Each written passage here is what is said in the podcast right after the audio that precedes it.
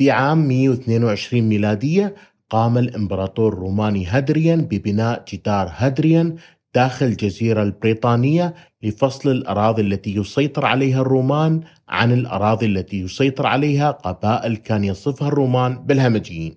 بل أن جيش يوليوس قيصر عندما حاول محاربة هذه القبائل انتشر الرعب بين جيشه. فهناك أخبار عن وحشية هذا الجيش. وهناك قصص حول أكل هؤلاء للحوم أعدائهم. وهذه القصص كانت منتشرة بين الجنود وتعتبر بينهم أمر واقعي. هذا الحدث التاريخي كان الإلهام الذي استخدمه الكاتب جورج آر آر مارتن للجدار الذي يمنع المتوحشين من دخول أراضي الممالك السبعة في وستروس. لكن أهم الأحداث التي اقتبس منها الكاتب أحداث رواية أغنية الثلج والنار والتي اقتبس منها مسلسل صراع العروش هي ما تسمى في التاريخ باسم حروب الورود وهي سلسلة من الحروب الأهلية في أواخر العصور الوسطى في إنجلترا والتي شهدت قتال بين عوائل يورك ولانكستر على العرش الإنجليزي. أمر اقتباس أحداث تاريخية حقيقية ضمن روايته ليس بالأمر الجديد على جورج آر آر مارتن.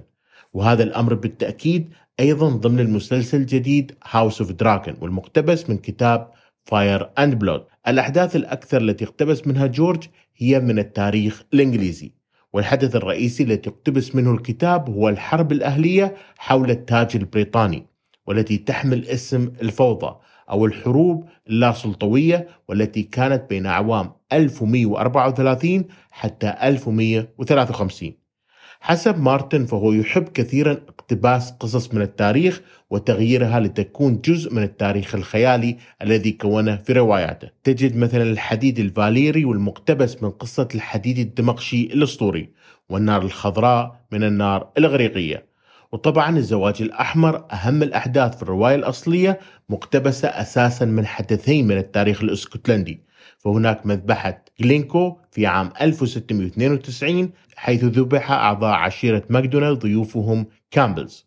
والحدث الآخر هو العشاء الأسود في عام 1440 حيث تمت دعوة إيرل دوغلاس الشاب وشقيقه لتناول العشاء في قلعة أدنبرا من قبل الملك جيمس الثاني والبالغ من العمر عشر سنوات. وهناك تم قتلهم عند البدء بعزف أغنية معينة. مارتن أراد باتباع هذا الأسلوب أن يكون عالمه به لمحة من التاريخ الحقيقي. ففي الحياة الحقيقية لا يوجد بطل لا يمكن أن يموت كما في كل روايات الخيال. وفي الحياة لا يمكن التنبؤ بالتقلبات والأحداث. هذا الأسلوب اتبعه مارتن في الرواية الأصلية وطبعا أيضا في رواية النار والدم والمقتبس منها المسلسل الجديد. نعود لأحداث الفوضى أو الحروب اللاسلطوية في هذه الفترة دارت حروب بعد وفاة الملك هنري الأول ملك إنجلترا في عام 1135 الملك هنري كان يحكم لمدة 35 عام وكان لديه حسب بعض المصادر 27 طفل. لكن من بين هؤلاء الأطفال فقط اثنين كانوا شرعيين من الزواج الرسمي. كان العرش رسميا بين اثنين شرعيين وهم ابنة الملك ماتيلدا والتي تلقب بمود وشقيقها الأصغر ويليام. في تلك الحقبة الزمنية كان الملك في إنجلترا يتبع نظام البكورة الذكورية بل أن هذا القانون كان رسمي حتى ألغته ملكة بريطانيا في عام 2013 لكن حسب هذا القانون فإن ويليام هو الوريث الأحق لعرش إنجلترا. لكن قبل وفاة الملك توفى الوريث الشرعي في عام 1120 حيث غرق ويليام أثناء محاولة إنقاذ إحدى أخواته من البحر بعد غرق سفينتها. أما عن ماتيلدا فكانت قد تزوجت الإمبراطور المقدس وحملت لقب إمبراطورة. ولكن في عام 1125 توفى زوجها. وعادت للنورماندي والتي كانت تحت سيطرة الملوك الإنجليز النورماند. ولهذا في عام 1127 جمع الملك كل النبلاء والبارونات وأجبرهم على أداء القسم لماتيلدا كوريثة شرعية لعرش إنجلترا. رغم أنها أساسا كانت وريثة شرعية للعرش بحكم أنها الوريثة الشرعية الوحيدة المتبقية من عائلة الملك.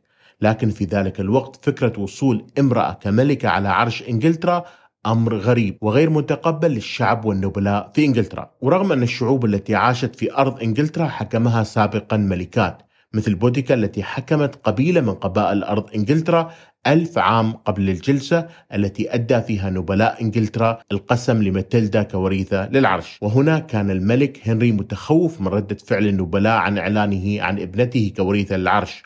وهذا كان سبب إجبارهم على تقديم الولاء في هذه الجلسة. وعند وفاة الملك في عام 1135 كانت ماتيلدا متزوجة من زوجها الثاني جيفري من أنغو من عام 1928 وأنجبت منه ولدين. كانت الأميرة ماتيلدا مع زوجها في شمال فرنسا عند الإعلان عن وفاة الملك. وعند وصول خبر وفاة الملك انتقلت الأميرة للندن للمطالبة بعرشها ولكن ابن عمها ستيفن كان قد سبقها وأعلن عن نفسه ملك فهو الذكر الثاني من عائلة الملك. كل هذا رغم أنه قد أقسم بالولاء لماتيلدا في مجلس عام 1127 وعندما سئل عن سبب تغيير رأيه بعد وفاة الملك قال بأنه أقسم بالولاء لها لأنه كان يعلم بأن الملك سيغير من رأيه قبل وفاته لمصلحة إنجلترا.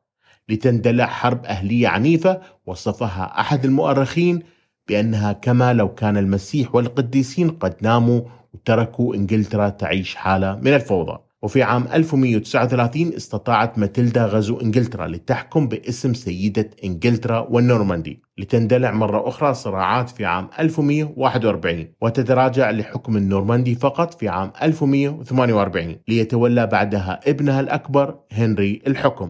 حسب المؤرخين ماتيلدا لم تحظى بأي شعبية حقيقية ولم تكن محبوبة وستيفن كان صاحب شخصية ضعيفة والكثير يسيطر على قراراته. حتى أن شقيق ستيفن الأصغر خانه وانتقل لحزب ماتيلدا لأشهر. اليوم عندما تدخل الموقع الرسمي للعائلة المالكة البريطانية وتقرأ تاريخ الحكام ستجد بأن فترة الحرب كانت تسمى بعهد ستيفن وماتيلدا. هذا يبين لك مدى الفوضى التي كانت تعيش فيها إنجلترا في ذلك الوقت. انتصر ابن ماتيلدا على ستيفن ورغم هذا تم الاتفاق بين الطرفين على السلام. وفيها وافق ستيفن على أن يعلن عن هنري ابن ماتيلدا كوريث له. وبعد عام من هذا الاتفاق توفى ستيفن وتوفى الابن الوحيد له ليستقر الحكم بيد هنري ابن ماتيلدا ويحكم باسم هنري الثاني. رغم هذا كله لم يكن حكم هنري الثاني حكم مستقر كما قد تعتقد. وأرى بأن أترك هذه القصة لسلسلة إنجلترا المستقبلية. لكن السؤال الذي قد يتبادر لذهنك لماذا التخوف من وصول ملكة في ذلك الوقت؟ أولا لم يكن هناك أي سابقة قبل ماتيلدا في عهد الأنجلو ساكسونية في إنجلترا. ورغم أن قصص الملكات العظام في التاريخ من مختلف الحضارات منتشرة في إنجلترا في ذلك الوقت لكن الناس لم يكونوا متقبلين. له اقترب من الوصول للحكم في ذلك العهد إيما النورماندي والتي عملت كوصية على حكم ابنها في الدنمارك. كان التخوف الآخر من قبل النبلاء ضعف النساء. فكان حمل الأميرة ماتيلدا في نفس وقت موت الملك سبب حقيقي لإثارة الشكوك حول قدرتها على الحكم. وأيضا كان وضعها الصحي خلال ولادتها لابنها الثاني قبل 18 شهر مثار حديث النبلاء حيث كانت قريبة من الموت في ذلك الوقت. طبعا حالتها الصحية كانت سبب حقيقي في تأخر الوصول للندن للمطالبة بحقها. النبلاء كانوا يقولون بأن الملكات في خطر دائم من الموت بسبب الحمل والولادة وهذا قد يسبب زعزعة في إنجلترا. وهناك أيضا الخوف من أن يكون لزوج الملكة تأثير وأن يكون ملك غير رسمي.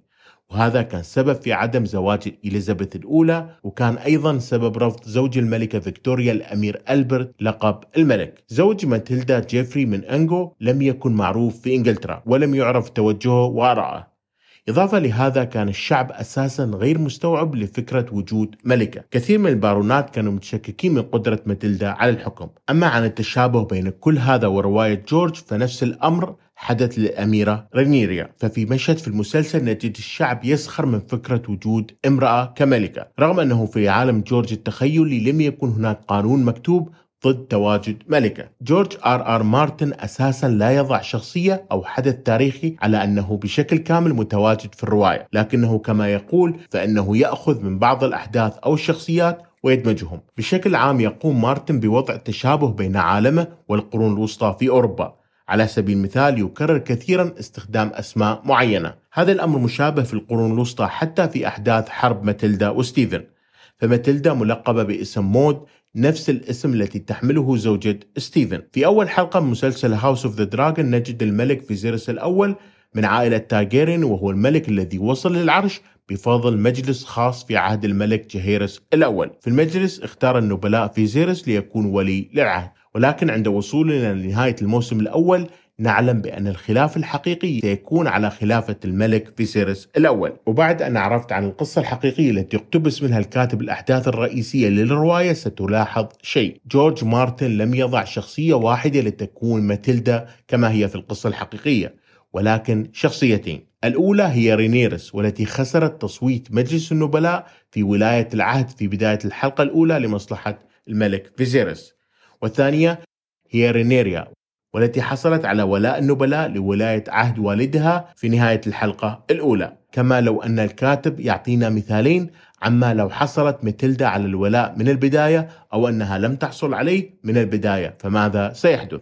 إضافة إلى خسارة رينيرس هو مثال على أن النبلاء في ذلك العالم لن يقبلوا ملكة تقودهم. وأيضا في نفس الحلقة نتعرف على شخصية أخرى وهو الوريث الشرعي الذكر في ذلك الوقت شقيق الملك دايمون وهذا هو الاختلاف في الأحداث طبعا مع إضافة وجود عالم سحري بتنانين تطير. عند وفاة ابن هنري الأول كان الملك بلا زوجة لهذا تزوج مرة أخرى أملا في إنجاب وريث ذكر آخر. لكن هذا الأمر لم يحدث. وقد يكون بسبب عقم الزوجة. كان من المستحيل الطلاق فاضطر الملك لدعوة المجلس لتنصيب ماتيلدا كوريثة له. لكن في رواية مارتن نجد الملك يتزوج بعد مجلس تنصيب ابنته وينجب أبناء ذكور وهو ما يغير الأحداث. حسب العرف فأن ولاية العهد يجب أن تسحب من الأميرة لكن الملك رفض هذا الأمر. هذا الصراع بين الابنة الكبرى والذكور الأصغر سنا هو أمر شائع في التاريخ الإنجليزي. فقد وصل لحكم إنجلترا هنري الثامن. متخطي خواته الأكبر سنا ماري وإليزابيث، لكن قد تقول بأنه من الأفضل عدم الخوض بالتحدث في الأحداث التاريخية حتى لا تفقد عنصر المفاجأة عند قراءة الكتاب أو متابعة أحداث المسلسل، لكن أستطيع أن أقول لك بأنه صحيح أن مارتن في الأحداث المتقدمة مستمر في اقتباس أحداث حقيقية من التاريخ الإنجليزي، لكنك لن تعلم بهذا إلا بعد أن يحدث الحدث في المسلسل أو تقرأ الحدث في الكتاب.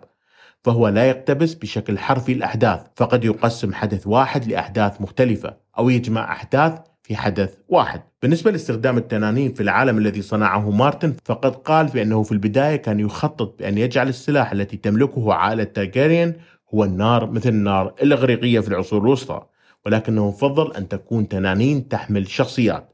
حسب الأساطير داخل عالم مارتن فإن التنانين هي خليط من مخلوقين. الأول يملك القوة والثاني يملك النار. منه نتج هذا المخلوق؟ والذي عاش في براكين فاليريا. ولم يكن أساسا قد وضع في باله استخدام التنانين كرسالة حول استخدام الأسلحة النووية حتى أنه قال بأن الفكرة قرأها في مقالة صحفية وأعجبته عموما النجاح الحقيقي للمسلسل تعني بأنه مستمر وأخطط أن أقوم بسلسلة مستقبلية حول الموسم الأول من المسلسل. فيه سأتطرق للموسم الأول والكتاب وسأذكر الأحداث التي لم يتكلم عنها الموسم الأول دون الوصول للأحداث في المواسم المستقبلية وستكون السلسلة كمرجع عند بداية الموسم الثاني. وبهذا انتهت حلقة اليوم من ورق كاست. ادعم محتوى ورق كاست الصوتي من خلال الاشتراك وال review. ونلتقي في الحلقة المقبلة من ورق كاست.